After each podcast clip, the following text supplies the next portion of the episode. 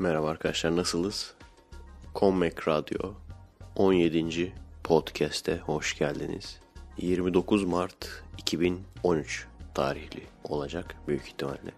Gördüğünüz gibi artık daha hızlı yapıyorum podcast'i. Bunun sebebi bu aralar biraz boş vaktim var. Normal sketch falan çekmedim bir süredir. Pazar günü çekeceğiz. Onun haricinde bildiğiniz gibi e, daha çok Fallout filmine ağırlık veriyorum. Son bir haftadır falan biliyorsunuz e, kuru kafayla ilgileniyordum. Şimdi kuru kafayı da geri vermem gerekiyor. Onda da sorun çıktı. Veren kişi geri istiyor. Vermeden önce seramik kili aldım. Seramik kilinden kalıbını çıkarmaya çalışacağım. Aslında eve geldiğim zaman onu yapacaktım. Ama hadi podcast kaydedeyim dedim. Birçok işi aynı anda sıkıştırmayı sevmiyorum. Böyle yaya yaya yapayım. En azından ben bir şeyler yaparken bir yandan da günler geçmiş olur. Artık şöyle 3-4 senelik hatta olursa 1-2 senelik kafamda planlarım olduğu için geçen her gün benim için burada yaşadığım, bu ülkede bu memlekette yaşadığım bir günün azalması anlamına geliyor. Tabi aslına bakarsanız o ortada fol ya da yumurta yok. Ama gördüğünüz gibi çok iyimser düşünüyorum. En azından umudum var, ümidim var, böyle planlarım var. Sadece şu istasyona bağlı, Biçerova istasyonuna bağlı mekandan terk edilmiş bir mekan aslında. İstasyonla alakası yok da onun sınırları içindeymiş. Oradan izin almak için attığımız 45 takla. Normalde ne olur gidersin çekersin veya sorarsın tamam çek derler çekersin. Ama bizde olunca aylardır bunun iznini almaya çalışıyoruz. Normalde 900 lira dediler veya okul projesi gibi gösterebilirsiniz dediler. Hocalarla konuşmuştuk. Hocalar da bir öğrenci ayarlayın halledelim dediler. Öğrenci devamlı arıyoruz 9 Eylül'den. Bulduğumuz kayboluyor, bulduğumuz kayboluyor. Şimdi bulduk birkaç tane. Şimdi gideceğiz hocayla konuşacağız falan. Ne olur, olur mu olmaz mı o da belli değil. Ne kadar zor ilerliyor işler görmeniz açısından. Aslında sizler bile sıkıldınız değil mi bunlardan? Devamlı yaşadığım zorlukları size anlatıyorum ama bilmenizi istiyorum. Aranızda çünkü film çekmeyi isteyen insanlar var. Bu gerçekleri bilmenizi istiyorum. Diyorum ya Amerika'da YouTube'dan bakıyorum adama. Adam iskeleti zaten hazır alıyor. O iskeleti de da, daha böyle nasıl cesede benze, benzetirsiniz onun videosunu çekmiş. Bizimki gibi sadece tıbbi olarak yok bizim bizde bin lira. İskeletler bin liradan başlıyor. Onlarda direkt prop yani dekor olarak iskelet sattıkları için 30 doları basıyorsun. Sana Çin'den plastik iskelet yolluyorlar. Bu kadar basit bitti. Sadece şu iki basit şey için bile kaç ayımızı verdik yani. Siz dinlemekten sıkıldınız değil mi bu tür şeyleri, bu tür sıkıntıları? İşte ben öyleyim o zaman çünkü ben bunları bir de yaşıyorum yani. Siz dinlemekten sıkıldınız ben ne yapayım ben yaşıyorum bunları. Ama tabii ki pes etmeyeceğim. Öyle ya da böyle bir şeyler çıkartacağız ortaya. Yazın sonuna kadar biter mi bilmiyorum. Öteki yaza kadar sürer mi bilmiyorum. Öteki yazın sonu olabilir. Ama ne olursa olsun iyisiyle kötüsüyle bir şeyler yapacağız ve bitecek. Tabii şöyle düşünmeyin iki sene boyunca bunu mu bekleyeceğiz falan. Yok öyle olmayacak. Sahneleri çektikçe montajlayacağım, efektleri falan ekleyeceğim ve yükleyeceğim. Sahne sahne yükleyeceğim. Dizi gibi olmayacak, karışık sahneler olabilir. Ama en azından geleceği gelecek çalışmayı görmeniz açısından faydalı olacak. En sonda da hepsini birleştirip film olarak yükleyeceğim. Şu an saat gece 12'yi 10 geçiyor. Aslında yarım saat önce başlayacaktım ama şarabı açamadım bir türlü. Mantarı parçalandı falan. Bu da mı tesadüf? Şu an içtiğim şey herhalde benden başka hiç kimse beğenmez. O yüzden bunu Efe Aydal içkisi diyebilirim. Ahududu şarabı aldım. Hiç içmediğim bir şey olduğu için. Onu ısıttım. Bir çay bardağına koydum ısıttım. Bir tane tatlandırıcı attım içine. Şu an onu içiyorum. İşte Efe Aydal içkisi budur. Altın çilekle yarışacak mı bakalım. Son podcast'in üzerinden bir hafta bile geçmedi aslında. Birkaç gün geçti. Buna rağmen gene iki haftalık iki podcastlik konu birikti. Yanlışlıkla fazla konuşmayayım. Sonra montajda ağlıyorum. Son olaydan başlayayım başa doğru gidelim. Mesaj geldi bana. İşte ateistlerin özellikle işte ünlü ateistlerin bir araya gelip bir oluşum kurmasını istiyoruz falan. Böyle bir yabancı bir ateist kuruluşunun Türkiye kanadıymış. Bu e, mesajı atan arkadaş. İşte haklarımızı alabilmek için, sesimizi duyurabilmek için falan. Birlik olmalıyız falan. İnsanların birlik olmasına lafım yok. Ama ben o tür işlerin içinde bulunmak istemiyorum, bulunmayacağım. Yani bana şey demiş. Sadece işte durum ne kadar kötü diye ağlamak yerine bir şeyler yapabilmemiz için işte bir araya gelmemiz lazım falan. Ben dedim ben zaten çözüm ürettim. Çözüm sizi kabul eden, sizi yadırgamayan bir toplum bulmak kendinize. Çünkü her şeyden önce eğer şöyle bir durum varsa ortada ateist hakları istiyoruz falan. Ateistlere özgürlük falan. Ben anormal bir şey değilim ki. Diğer azınlıklar gibi. Diğer azınlıkları da biliyorsunuz ayrı tutuyorlar. Onlara ayrı bir iki hak veriyorlar. İşte gay hakları, transseksüel hakları, travesti hakları, Kürt hakları, Alevi hakları falan. Mesela travesti dediğiniz zaman veya transseksüel dediğiniz zaman hep ne görürüz abi? Eğlence sektöründe olur. Şarkıcı genelde. Fuhuşu zaten saymıyorum. Bir yabancı dizide görmüştüm. Sallama mı gerçek mi bilmiyorum. Yurt dışında yaşayan arkadaşlar daha iyi bilir. Mesela travesti bir iş kadını vardı. Ne kadar acayip geliyor insana değil mi? Ama neden olmasın? İş kadını veya patron, hadi diyeceksin o zengin, öyle olmuş. Patron olmasa bile bir şirkette çalışan travesti niye olmasın ki? Ama bunu söyleyince ne kadar garip geliyor insana değil mi? Aynı şekilde gay. Gay olduğunu söyleyip, açıkça söyleyip yani. Hani gizlice böyle hani bıyığını burup da böyle gizlice ondan sonra şakasına arkadaşlarına aa elledim falan diyenlerden bahsetmiyorum yani. Hani ben gayim deyip o şekilde gezen, bunu açıkça söyleyen insanlardan bir mesela doktor, bir mühendis hiç gördünüz mü? Ya kimlikleri gizlidir ya kimlikleri açıksa ne iş yaparlar? Moda tasarımı veya işte şarkıcılık, yazarlık yani toplumdan uzak böyle işler. Toplumun içine fazla girmeyen, girmeyici işler. Mesela ben gay olsam bana deseler ki sen gay hakları olarak ne istiyorsun? Her şeyden önce bana gay diye hitap edilmemesini istiyorum derim. Ben de bu ülkenin bir vatandaşıyım. O yüzden arkadaşlar böyle bir toplum olduğumuz sürece istedikleri kadar yasal hak versinler. Hatta isterlerse fazla fazla hak versinler. Normalden daha fazla hak versinler.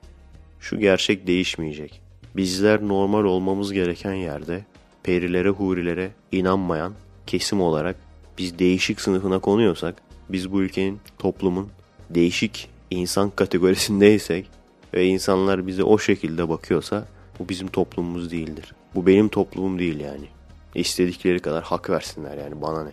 İnsanlar arkana bıdı bıdı ateist bak falan dedikleri sürece ben şahsen burada rahat edemem. Edemeyeceğim yani. Edecek insan da olabilir. Özellikle benim gibi video yapmayan, podcast yapmayan insanlar tabi biraz daha rahat. Özellikle İzmir'de yaşıyorsa ve çok fazla da açıktan söylemiyorsa ne olduğunu. Kendi işi varsa tabii ki e, çok daha rahat bize göre. Ama o arkadaşlar da şunu unutmamalı.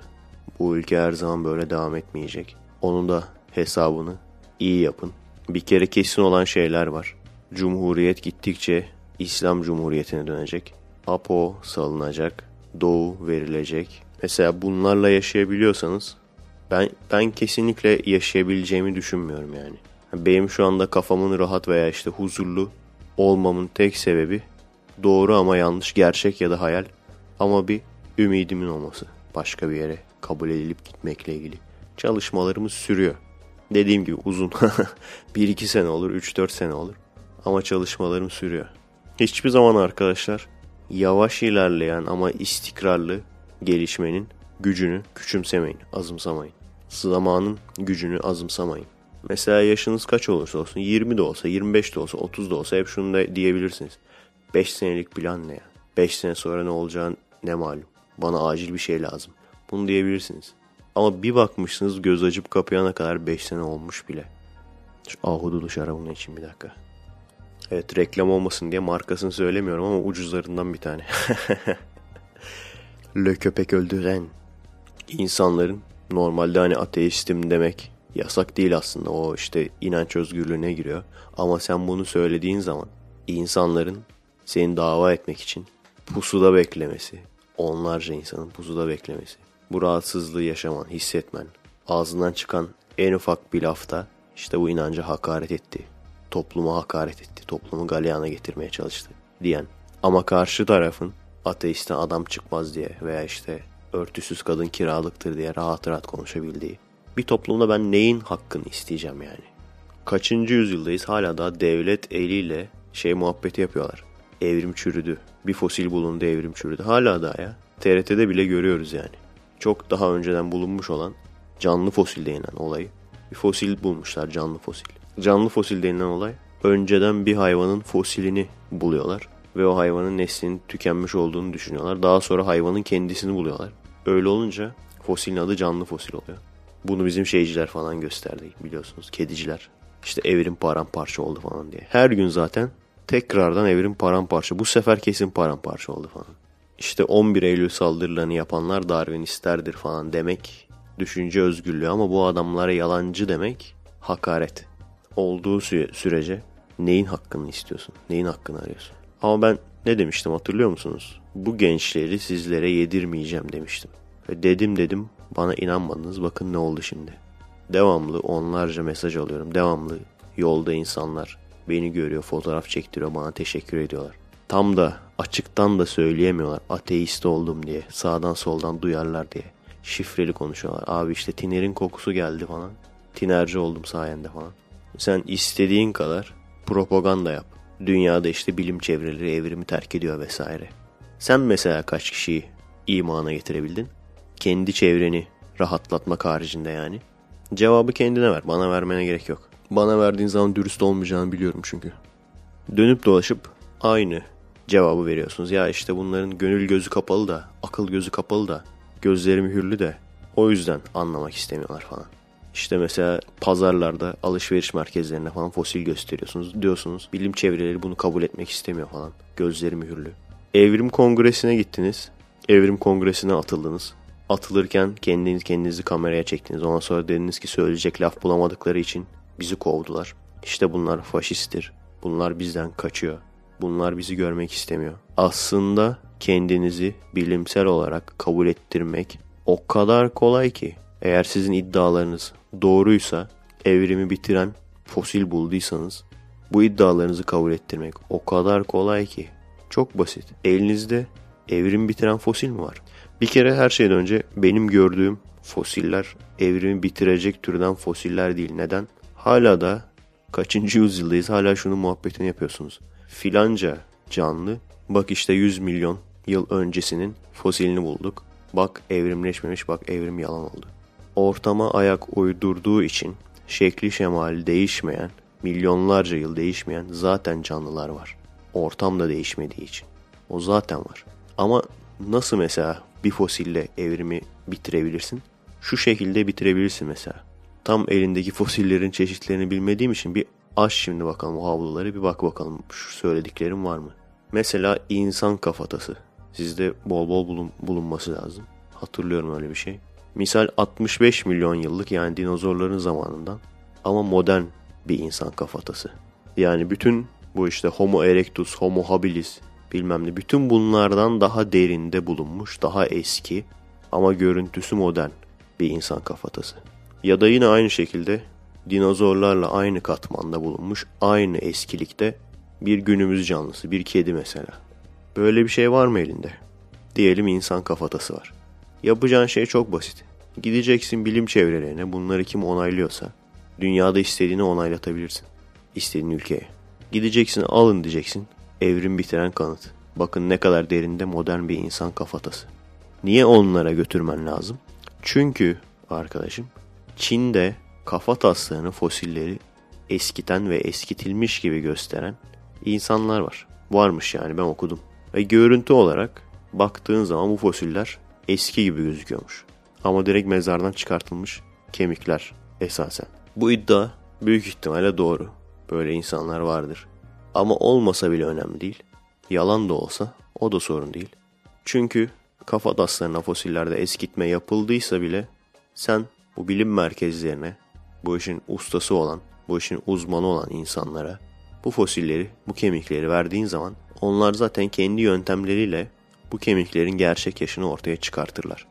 çıkarttılar ortaya ve gerçekten çok eski çıktı. Gerçekten Homo habilis'ten, Homo erectus'tan çok daha eski çıktı. O zaman evet, olay bitti. Evrim bir sarsılır yani ne olduk, ne oluyoruz derler. Ama sen bunu yapmazsan, bu fosilleri göt cebindeki havlularda taşırsan, bunları bilim merkezlerine sunmak yerine gidip alışveriş merkezlerine sunarsan evrim seminerinde, o kovulduğunuz evrim seminerinde evrimi bitirmek için şu ifadeyi kullanırsan kalp gibi organların evrimleşmesi için önce yarım kalp oluşmuş olması lazımdır. Ama doğada yarım kalp diye bir şey bulamayız. Ve hatta bunu şemalarla böyle gösteriyoruz gerçekten. Gerçekten böyle bir şey oldu yani. Kalp var kalp resminin yarısını silmiş böyle. Yarım daire şeklinde bir şekil göstermiş. Böyle gösterirsen veya başka bir şema çıkartır. Bak yıldızdan balığa evrim olması için kafası balık kafası, arkası deniz yıldızı olan bir yaratık olması lazımdır. Demek ki evrim yoktur dersen seni tabii ki kovarlar oradan. Öncelikle şunu söyle bize. Senin amacın ne? Mesela belki anlatmışımdır. İnternette bakıyorum bazı ülkelere, bazı şehirlere. Şey falan arıyorlar böyle. Çocuklara evrimsel biyolojiyi basit bir şekilde anlatacak gönüllüler. Astronomi çalıştıracak bilim merkezlerinde gönüllüler. Gidip mesela orada çalışsam veya 3 kuruş maaşa çalışsam ne kadar sevinirim yani ne kadar mutlu olurum. Çocuklara teleskopla yıldızlara baktırsam. Bizdeki bilim işte bu yani. Az önce anlattığım televizyona çıkan bilim adamları bu. Gerçekten çok aşırı değerli bilim adamlarımız var. Ama bu adamların karşısına Hacı Hoca'yı çıkartıyorsun. Lise terk adamları çıkartıyorsun tartışsınlar diye. Evrimsel biyoloji profesörüyle hocayı çıkartıyorsun, imamı çıkartıyorsun. Evrimi ta- tartışsınlar diye yani. Ondan sonra tabii şeyler çıkar bu. Eleman demiş ya Kur'an'ın içinde kuantum var falan diye. Arda Kural mıydı kimdi o? Adamı yakalayacaksın. Diyeceksin kardeşim peki şunu söyle. Kuantum ne demek? Kuantum ne demek? İşte böyle çok böyle böyle çok böyle lazerli böyle atomlu şeyler falan. Böyle uzay gemileri falan. Ha? Kuantum fiziğinin anlamı bildiğimiz fizik ama atom derecesinde küçük parçacıkların fiziği olunca işler inanılmaz değişiyor. Adamlar işte şey yapıyorlar. Hadron çarpıştırıcısı mı Türkçesi onun? Hadron çarpıştırıcısıyla Higgs bozonunu buldular yani. Buldular deniyor. Daha hala %100 onaylandım bilmiyorum ama Higgs bozonu nedir? Bütün evrendeki maddelerin 6 veya 7 tam hatırlamıyorum temel maddeden oluştuğu söyleniyordu. Hani bu eskiden şey vardı ya eski dinlerde birkaç farklı mitolojide bütün maddelerin dört elementten oluştuğu falan iddia edilirdi ya. Hava, su, toprak, tahta. Hava, su, toprak, ateş. Sonra tabi bilim ilerledikçe bunun sıkışı olduğu ortaya çıktı. Ama hala da bilim kurgu filmleri yapılır. Bu evreni oluşturan temel elementlerin, maddelerin Higgs bozonu haricinde hepsi gözlemlendi, bulundu yani. Higgs bozonu ise sadece teorik olarak hesaplamalarda vardı. Ve gözlemlenmesi çok zor. Hatta imkansız olacağı düşünülüyordu. Şimdi işte CERN'deki abilerimiz tanrı parçacığı falan diyorlar ya ona. Protonları hadron çarpıştırıcısında tokuşturdular ve iddia ettiklerine göre Higgs bozonunu gözlemlemişler. Aslında bizim için çok aşırı önemli olmayan bir şey ama bir de şunu düşünün 30-40 senedir teorikte olan bir şeyi ilk defa gözlemlemiş adamlar. Tanrı parçacığı diyorlardı ya bizim şimdi bizim mesela bize nasıl aksediliyor bu olay? Türkiye'ye nasıl aksediliyor mesela? Şimdi adı Tanrı parçacığı ya bu arada bildiğim kadarıyla bu deneyi yapan adamlar koymamış bu ismi. Alakasız insanlar koymuş. Şimdi ilk denemede başarısız olundu. Bizimkiler ne dedi? İşte ateist bilim adamları Tanrı parçacığını bulamadılar ve bir Tanrı'ya ihtiyaç olduğunu artık kabul ettiler falan. İkinci denemede ise bilim adamları ünlü bilim adamları hatta falan tanrı parçacığını bularak tanrının varlığını kanıtladılar falan. İşte biz bizim bu kadar yani. Bu. Cübbeli Ahmet Hoca falan çıktı dedi ya. Sen niye çarpıştırıyorsun? Bütün hadislerde var zaten. Neyi bulacaksın? Onu öyle çarpıştırdın ne olacak? Kuantum fiziğinin neden çok acayip olduğunu biliyor musunuz arkadaşlar? Parçacıklar öyle acayip ki bazen iki yerde aynı anda olabiliyorlar. Bazen bir yerde yok olup çok alakasız bir yerde anında çıkabiliyorlar. Yani bir yerden yok olup öteki bir yerden çıkabiliyor. Bu tür böyle garip hareketleri bunu makroya uyarlayabildiğinizi bir hayal edin yani. Özellikle bir yerde yok olup başka bir yerde çıkma olayını. Bunu çözerse adamlar, bilim adamları, o zaman tabii her şeyden önce bizde yazmış olur, bizde yazıyor olur. Arkadaş demiş ya kuantum var bizde yazıyor falan diye. Ya şöyle söyleyeyim. Bunu keşfeden ülke dünyayı ele geçirir. Biter yani. Avrupa buldu. Amerika ile paylaştı. Hop teknolojiyi bir anda geliştirip hop sikertme yaptılar. Bir hafta içinde. Ne olduğunu bile anlayamazsın yani. Zamanında mesela Soğuk Savaş döneminde atom bombası teknolojisi sadece Amerika'da varmış. Daha sonra Rus ajanları bu teknolojiyi herifler nasıl yaptıysa çalmışlar. Ve Rusya'nın da eline geçmiş. Ve öyle olunca Amerika'nın savaşa girmeye götü yememiş. Şunu düşünsenize çalamasaydı ne olurdu? O teknoloji sadece Amerika'da olsaydı. Şu anda bile o kadar farklı olurdu ki her şey. Çok farklı olurdu. Siz hala da bir şeyler bulmaya çalışan bilim adamlarıyla taşak geçmeye devam edin. Hala da savaşlar iman gücüyle kazanılmıştır falan demeye devam edin. Bu işte Richard Dawkins'in kitabında okuyorum. Zamanında okulda anlamadım birçok şeyi. Burada nedense anlıyorum. Belki kafam gelişti, belki adam daha basit anlatıyor. Bu işte ilk atom modelini bulan amca, yanlış hatırlamıyorsam Rutherford. Adamların İngiltere'de işte. Üniversitelerine bak ya. Okullarına bak yani. Fizik bölümüne bak anasını satayım. Adam atom modelini buluyor. Onun çekirgesi, onun öğrencisi Bohr. O da geliştiriyor modeli. Onun çekirgesi öğrencisi gene öyle Planck mı? Öyle bir isim gene yani. Thomson mı Planck mı? Lan sınıfa bak lan. Fizik bölümüne fizik dersine bak anasını satayım. Hocaya, o sınıfta hocaya yazık lan. Hocaya acırım yani yazık. KPSS ile öyle gelmiş atanmış oraya. Ee, evet arkadaşlar. Şimdi ev ödevi hepimiz birer sabit buluyoruz. Ertesi gün gelir. Herkes sabitlerini açsın. Bir tane Türk olur orada. Böyle bilim adamlarının arasında bir Türk karıştıracağız ki komedi olsun. Kendimize biraz dalga geçelim ki komiklik olsun. Ama doğruya doğru. Adama sorar. Evet ne buldun Haydar? Haydar sabiti 1. Ne işe yarıyor? Hangi sayıyı bununla çarparsan kendini veriyor. Hmm tamam bravo. Sana sabitin kadar not veriyorum. Büyük ihtimalle adam o esnada aklına gelmiş. Bir önceki gece PES oynamaktan. PES 1850 falan böyle. Şeyde 8 milimetre böyle projektörler olur ya projeksiyon cihazları. Orada falan oynuyorlar böyle. Einstein nerede çocuklar? Einstein mescide gitti o öğretmenim. Adamların fizik sınıfına bak ya. Çünkü neden? Aslında adamların, bilim adamların ülkelerine baktığın zaman ülkeleri hep farklı yani. Bir Yeni Zelandalı falan. Bir Danimarkalı falan. Ama hepsini İngiltere yakalayıp almış. Kapmış yani. Şimdi de Amerika yapıyor. Einstein falan. Almanya'da doğmuş. Amerika'da gitmiş sonra Amerika'da Amerikan vatandaşı falan olmuş. İşte bunların daha iyiye değil daha kötüye gideceğini bildiğim için ben huzursuzum. Ve bunu değiştirmek için elimden de bir şey gelmediğini bildiğim için. Benim elimden ne gelir? Ancak bireysel olarak, tekil olarak insanları uyandırabilirim. Uyanıp kendi başlarının çarelerine bakmalarını bir şekilde belki sağlayabilirim. O yani o kadar.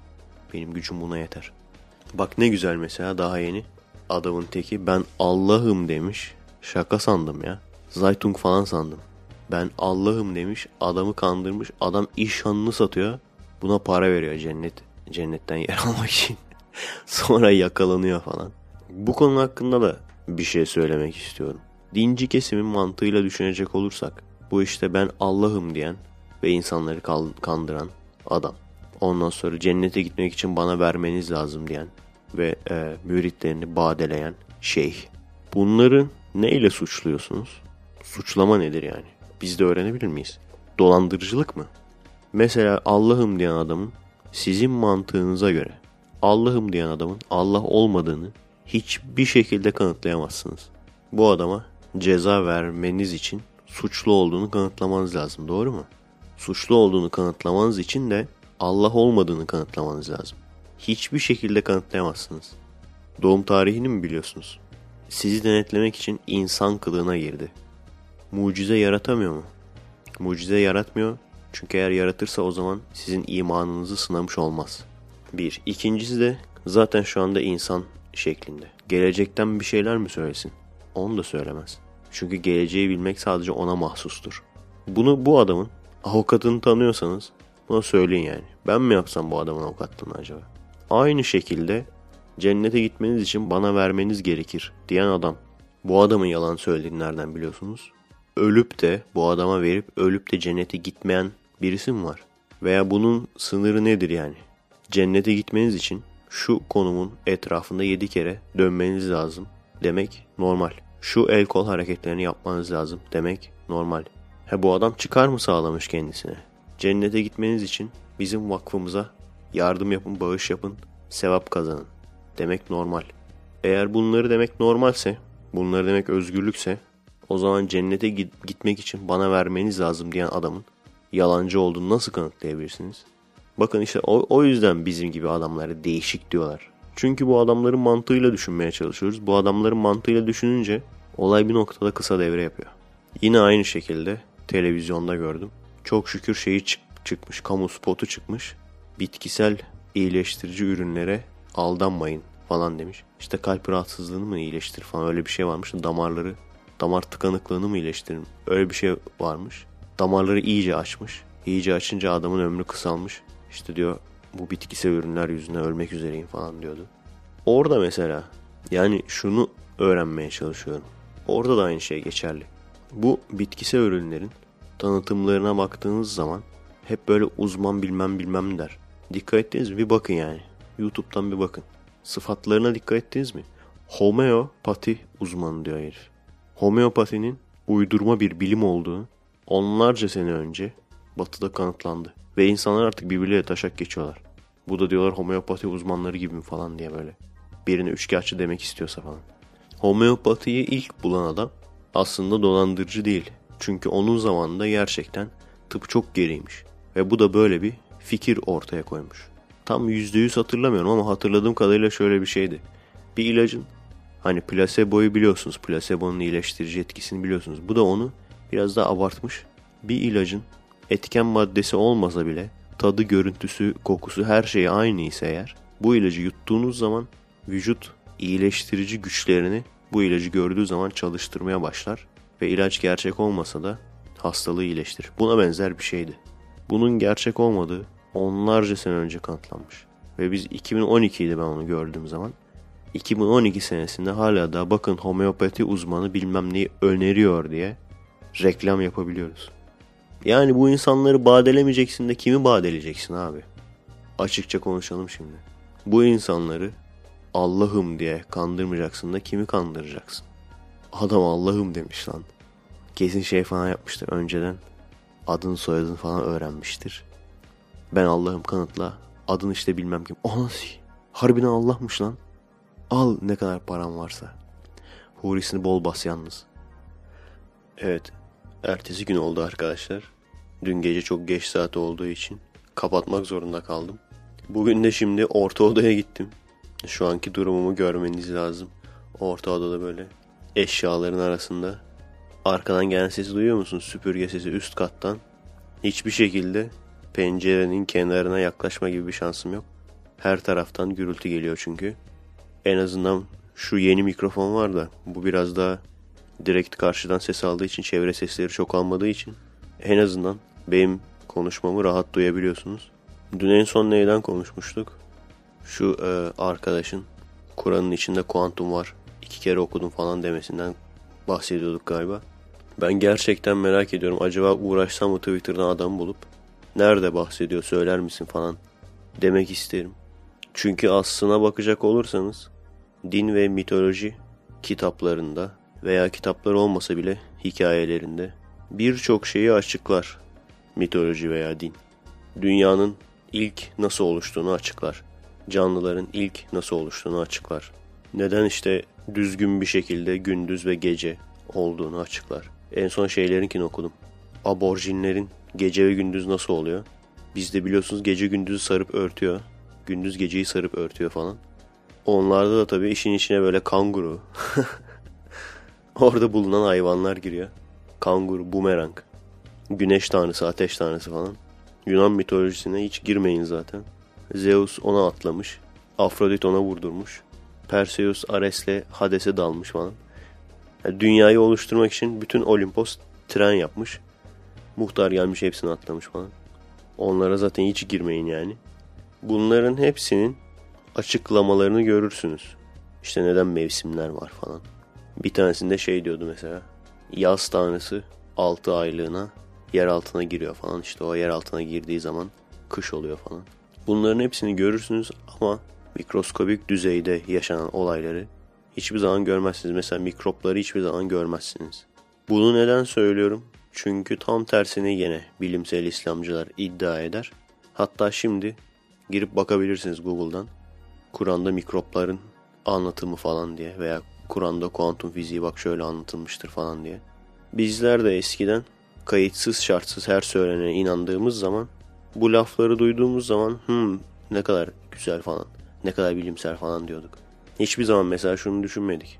Dur ya nerede anlatılıyor abicim bu? Diye bunu düşünmedik. Bu podcast'ten sonra bizim dinimizde mikroskopik varlıkların varlığından işte varlığı haberdar edilmiştir falan veya varlıklardan bahsedilmiştir falan denilen siteleri lütfen rica ediyorum girin bakın. Hangi ayetlerden bahsediyorlar onlara da bakın. Sonra bir de o ayetlerin gerçek versiyonlarına bakın. Artık insanların bilim adı altında milletin kafasını açmasından bıktım yani. Böyle bir ülkede yaşamaktan bıktım yani. Daha dün gece podcast'i kaydettim bilgisayarı açtı falan. Adamlar şey yapmış. Bir ayette karıncalar diyormuş ki karıncalardan bir tanesi daha doğrusu. Hazreti Süleyman savaş savaşa gireceği zaman karınca da demiş ey karıncalar yuvalarınıza girin savaş olurken ezilmeyin demiş ve karıncalar yuvalara girmişler. Bunu almış adam şey diyor bak diyor BBC'de bir sitede diyor karıncaların kendi aralarında iletişime girdiği keşfedildi. Bak bizde yazıyordu bu falan. Bu da mı tesadüf falan. İletişime girmesiyle muhabbet etmesini canlıların aynı kefeye koyan adamlara bilim adamı dendiği, daha doğrusu ilim adamı dendiği bir yerde yaşıyoruz işte. Bana bunu dese ne yapardık? Tamam. Deneyelim bakalım dediğin doğru mu? Aynı olayları tekrarlayalım. Birkaç tane karınca alalım yanımıza. Bir yuvadan. Sonra biraz uzağa gidelim. Sonra o karıncaları yere koyalım. Sonra o karıncaların yuvalarına doğru ayaklarımızı böyle yere basa basa yürüyelim. Bakalım gerçekten karıncalar kendi yuvalarına gidip kendi kardeşlerini yuvaların içine sok sokacaklar mı? Yoksa öyle sığır gibi dönüp dolaşmaya devam mı edecekler? Saçma bir deney fikri değil mi? Ama işte dediğim gibi bazen insan bıkıyor ya. Hayattan beziyor yani bazen insan. Bunu gerçekten hani Mythbusters gibi aslında programını yapacaksın yani. Bu adamların her söylediği şeyi bak bulduk falan diye. Bu da mı tesadüf falan dediği her şeyi Mythbusters gibi üşenmeden deneyeceksin. Deneyini yapacaksın. Ama zaten öyle bir programı televizyonda hiçbir kanalda çıkarmana imkan yok. Sözde bizim televizyon kanallarımız özgürdür ama dünyanın en büyük yalanı. Dünyanın en büyük yalanı. Onu geçtim. İnternette bile bu şekilde bir yayın yaparsan dava açılma olasılığın çok yüksek. Basın yayın yoluyla hakaret ve aşağılama ve halkı galeyana getirme. Aynen bu şekilde eskiden hiç düşünmeden doğru olarak kabul ettiğimiz, daha sonra da düşünmeye başladıktan sonra da şu yaşıma geldikten sonra da ulan bizi nasıl yemişler ya zamanında dediğim o kadar çok şey oldu ki. İlkokulda bak bu sefer dini değil. İlkokulda ibretlik bir hikaye okumuştuk. Dini değil ama gene de tam Samanyolu TV 5. boyut terk bir hikaye. 3 tane kadın köyde, yaşlı 3 tane yaşlı kadın. Köyde çeşmenin yanındalar. Kovalara su dolduruyorlar. İşte birinci kadın diyor ki hepimizin oğlu var ama en yetenekli olan benim oğlum.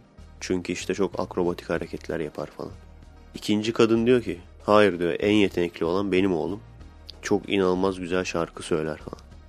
Üçüncü kadın da biraz ezik böyle. Bu şey işte beşinci boyut eziği. Pek bir ses çıkartamıyor. Orada bir de tabi aksakallı dede var. Yaşlı ve bilge kişi var yani.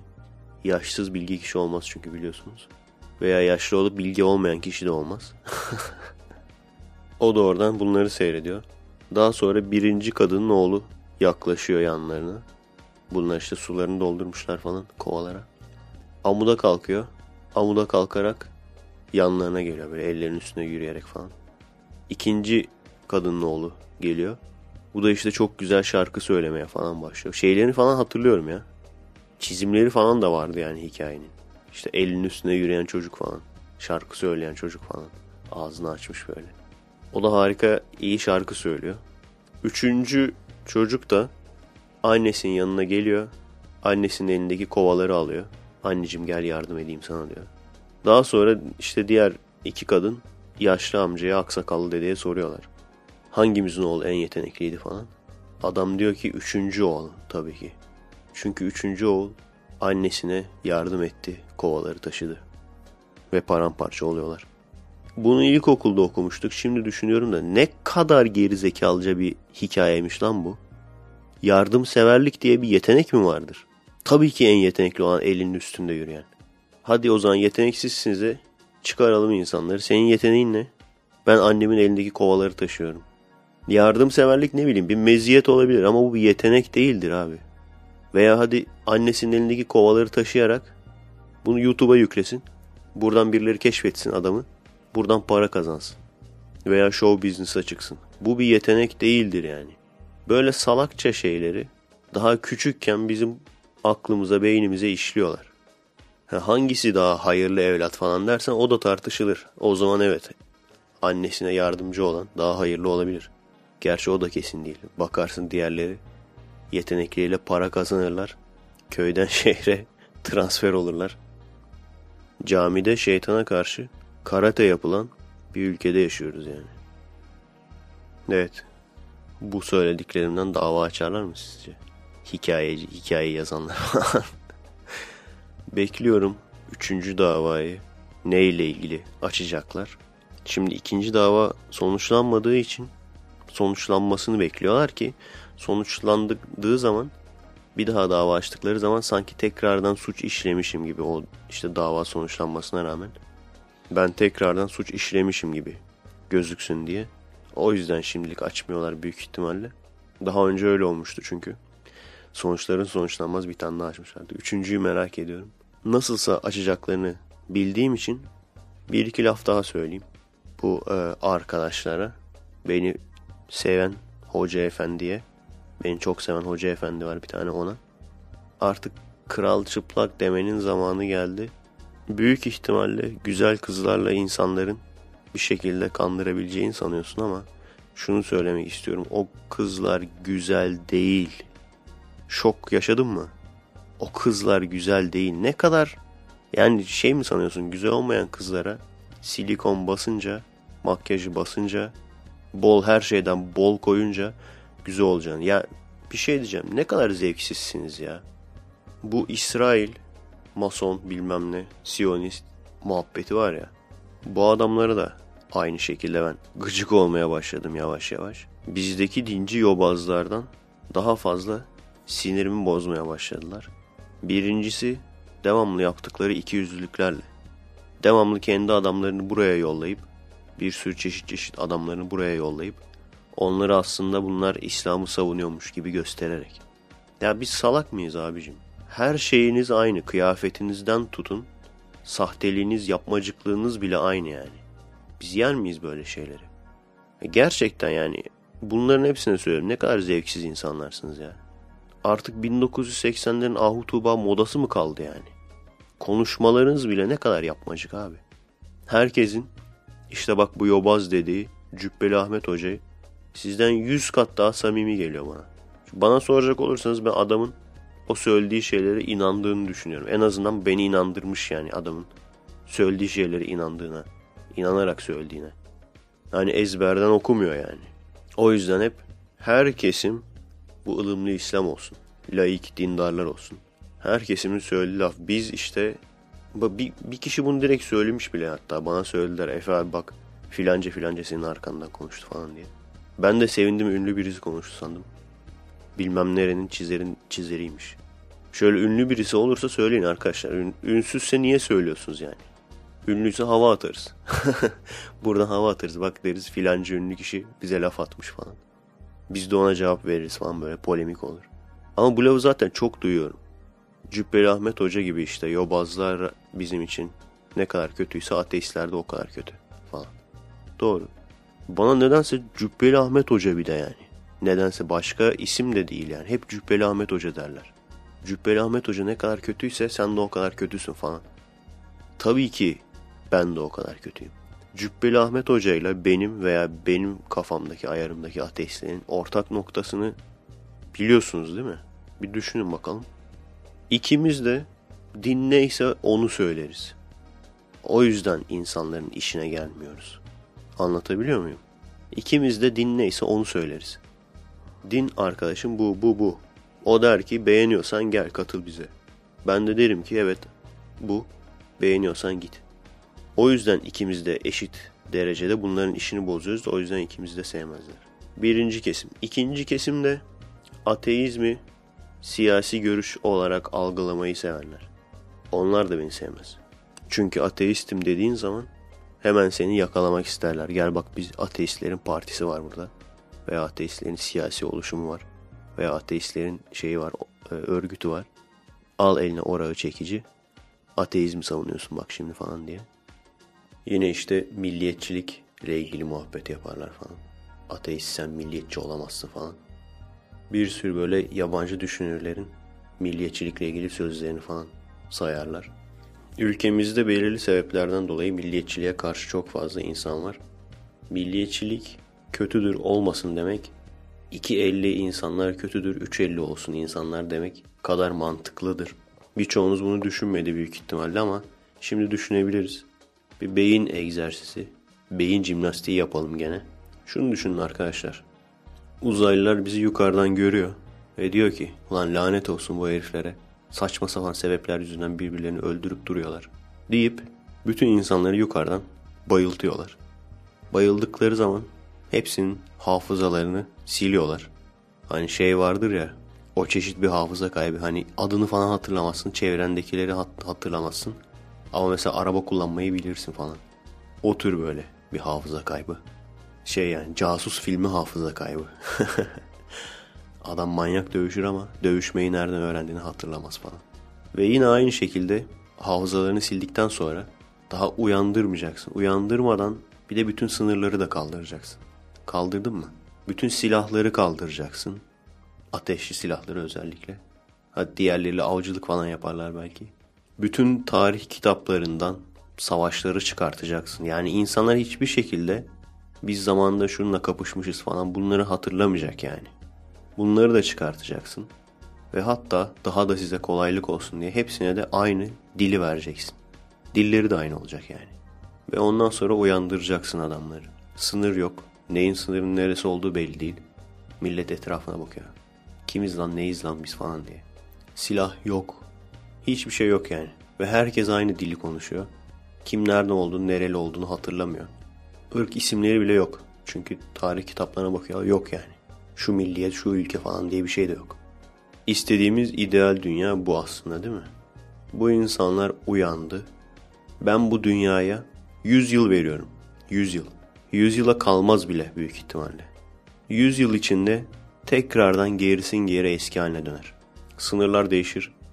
Belki birbiriyle savaş halinde olan bazı gruplar birleşip başkalarına savaş açar falan. Ama bulunup bir araya gelip toplanıp önce nasıl başlar biliyor musunuz? 3 kişi 4 kişi falan bir araya gelir. Karnımız acıktı ya falan. Çalışmak zor geliyor. Şu güçsüzlerin olduğu bir köy var. Onu bir basalım. ile başlar. Ama harbiden ilginç olur yani. Hani tam e, filmi çekilecek bir şey. Ülke isimleri falan uydururlar gene yeni ülke isimleri falan. İnsanın doğasında olan bir şeyi bu olmasın diye bunun kampanyasını yapmak tamamen boşa enerjidir. Birçoğunuzun bunu iyi niyetle yaptığını biliyorum.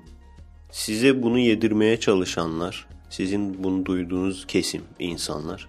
Bu insanların bambaşka dertleri var. Milliyetçilik şöyle kötüdür, böyle kötüdür derken. Bu insanların bambaşka dertleri var. Bambaşka amaçları var yani. Mesela bu insanlara gidip şunu dediğin zaman ha öyle mi o zaman şu etnik kimlik de ben şuralıyım demesin. Ben dünya vatandaşıyım desin. Veya bu etnik kimlik, bu ırk, benim ırkım şu demesin o zaman. Ben dünya vatandaşıyım desin. Dediğiniz zaman alacağınız tepkiye bir bakın. Veya bu insanları yollayan ülkelerdeki, Amerika'dan gelirler genelde bunlar. Amerika, Fransa, Avrupa Birliği ülkeleri. Onlara söyleyin aynısını. Açın o zaman sınırları kardeşim. Hadi hepiniz kardeş olun bakalım. Bir tanesi olacak mı? Anlatabiliyor muyum derdimi? Niye bunun hiçbir zaman olamayacağını? Yer çekimi çok kötü. Yer çekimi yüzünden uçamıyoruz. Yer çekimi yasaklansın demek gibi bir şey yani bu. Diyorum ya. Bizi çoğunluğun sevmemesi zaten normal bir şey yani. Çoğunluk sevmeyecek bizi.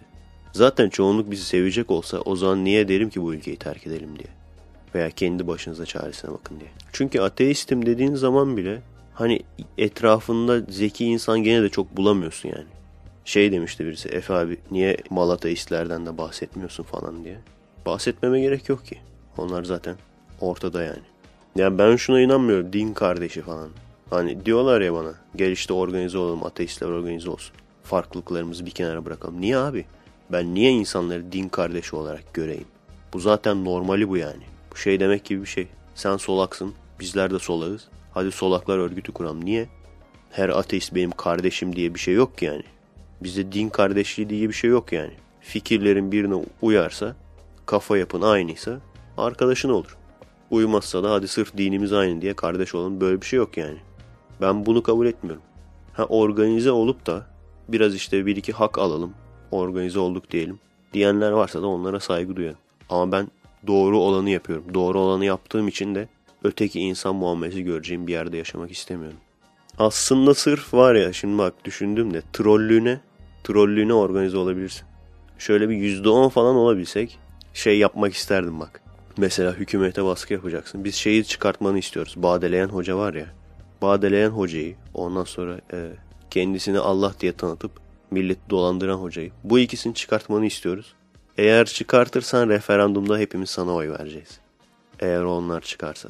Gene eğer onlar çıkarsa bir dahaki seçimde de sana oy vereceğiz. Tinerci Başkanı diye bir başkan seçeriz. O gider konuşur böyle görüşmeler falan yapar. Aleviler ondan kaybediyor bak. Gösterip de vermemen lazım. Açık açık sana oy vermeyeceğim demeyeceksin. Açık açık sana oy vermeyeceğim dersen o zaman adam nasılsa ben bunların oy alamayacağım. Bari bunlara olan nefreti kullanayım deyip sana sonsuz yardırmaya başlar. Aslında böyle bir şey yapalım ya. Peki beyin jimnastiği yapamadı. Biz böyle bir şey yaparsak bu hocalar çıkar mı? Biz de böyle miting yapacağız falan.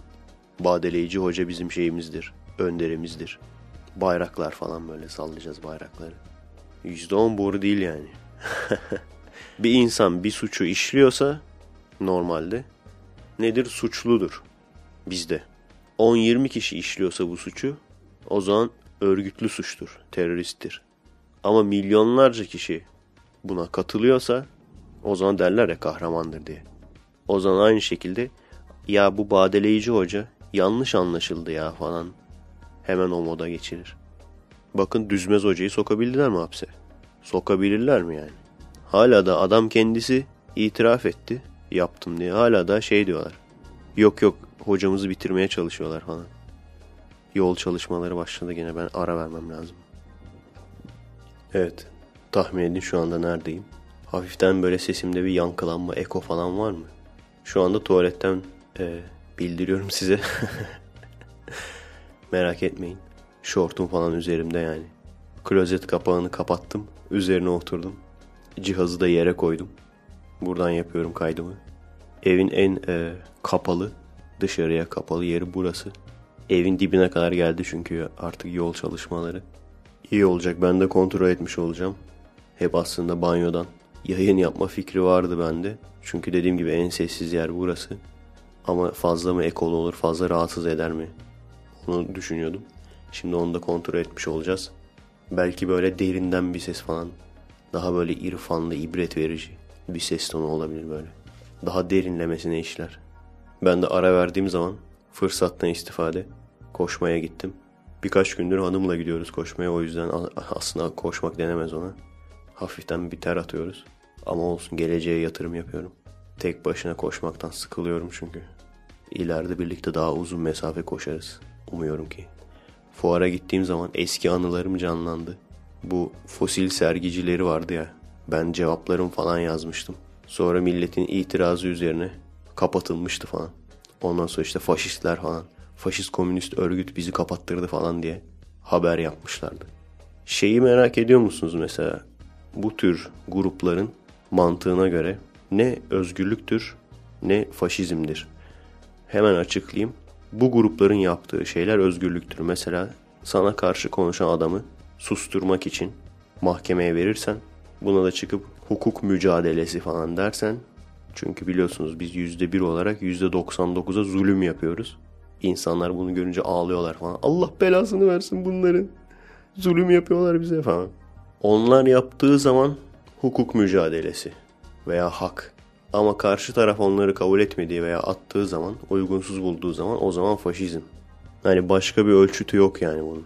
Ne oldu? O zamanlar daha tedirgindik. Acaba dava açarlar mı falan diye. Konuşamıyorduk fazla. Ama şimdi artık açacaklarını kesin olarak bildiğimiz için ona göre önlemimizi aldık. Ona göre hareket ettik. Açacaklarını biliyorum yani. O yüzden fazla da korkmanın bir anlamı olmadığına karar verdim. Ve videolarıma, çekimlerime devam ettim. Podcastlerime devam ettim, konuşmaya devam ettim. Karşılığını da fazlasıyla alıyorum.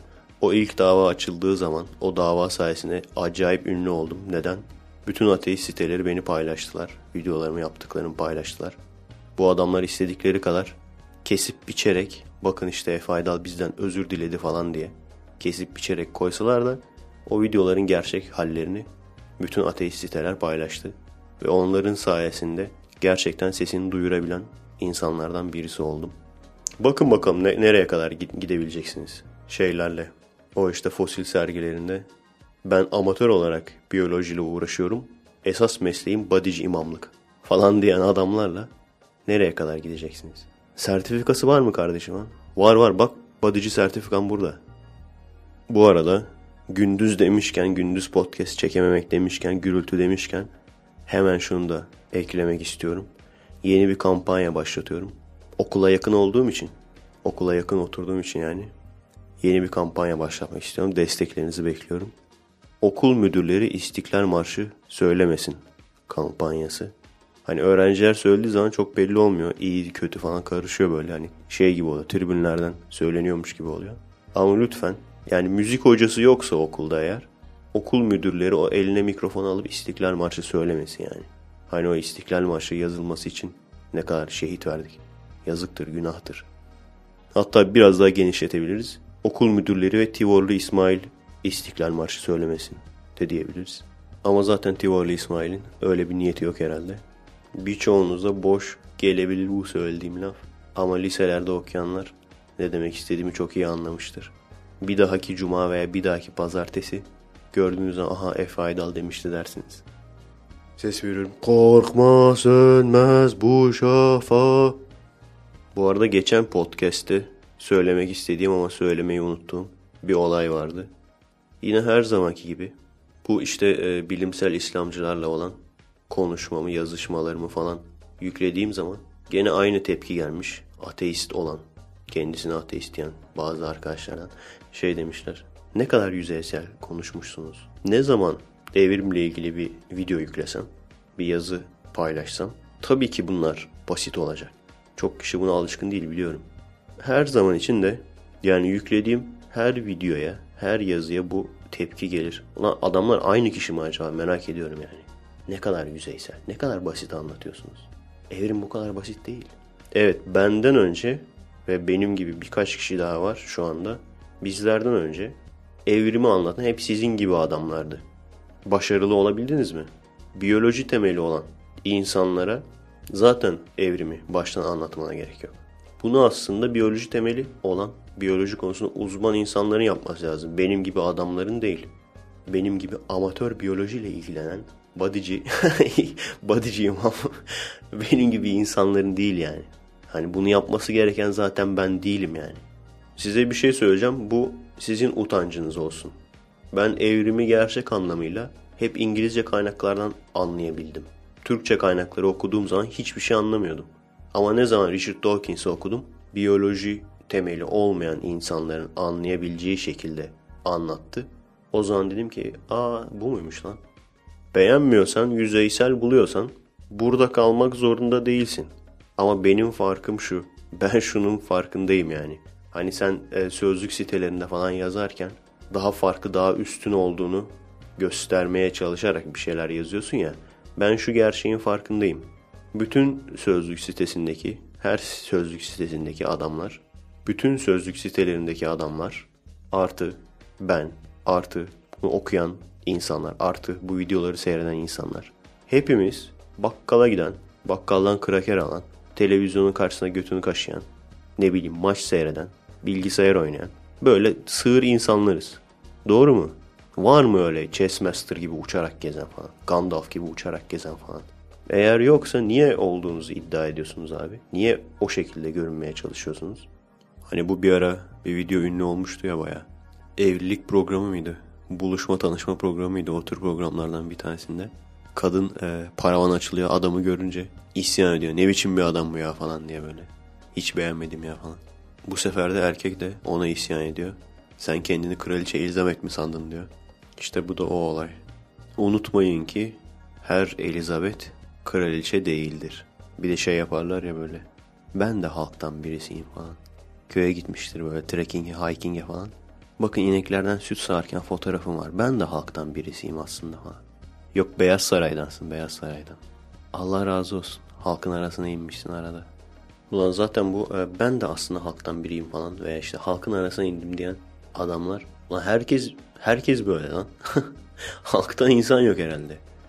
Niye gidip insanlara mesela anlamıyorsan git kaynaktan araştır biraz temel sahibi ol. Ondan sonra gel falan diyorsunuz. Bu şekilde derseniz biyoloji temeli olmayan adamlar tabii ki sizi anlamaz. Evet bu da mı tesadüf? Müdür İstiklal Marşı söylüyor dışarıda. Sesi alayım mı? Ayıp olur ama ya. Evet ne yazık ki böyle ara ara e, kesilecek kaydımız. Gündüz olduğu için.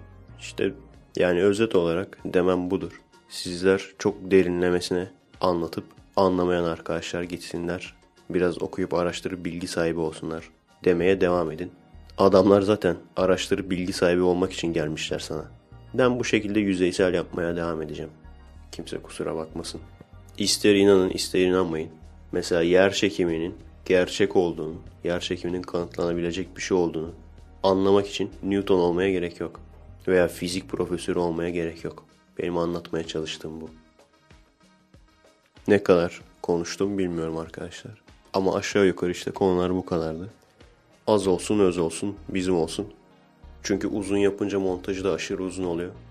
Daha zor oluyor yani böyle ufak ufak her hafta yapmaya çalışmak daha mantıklı oluyor.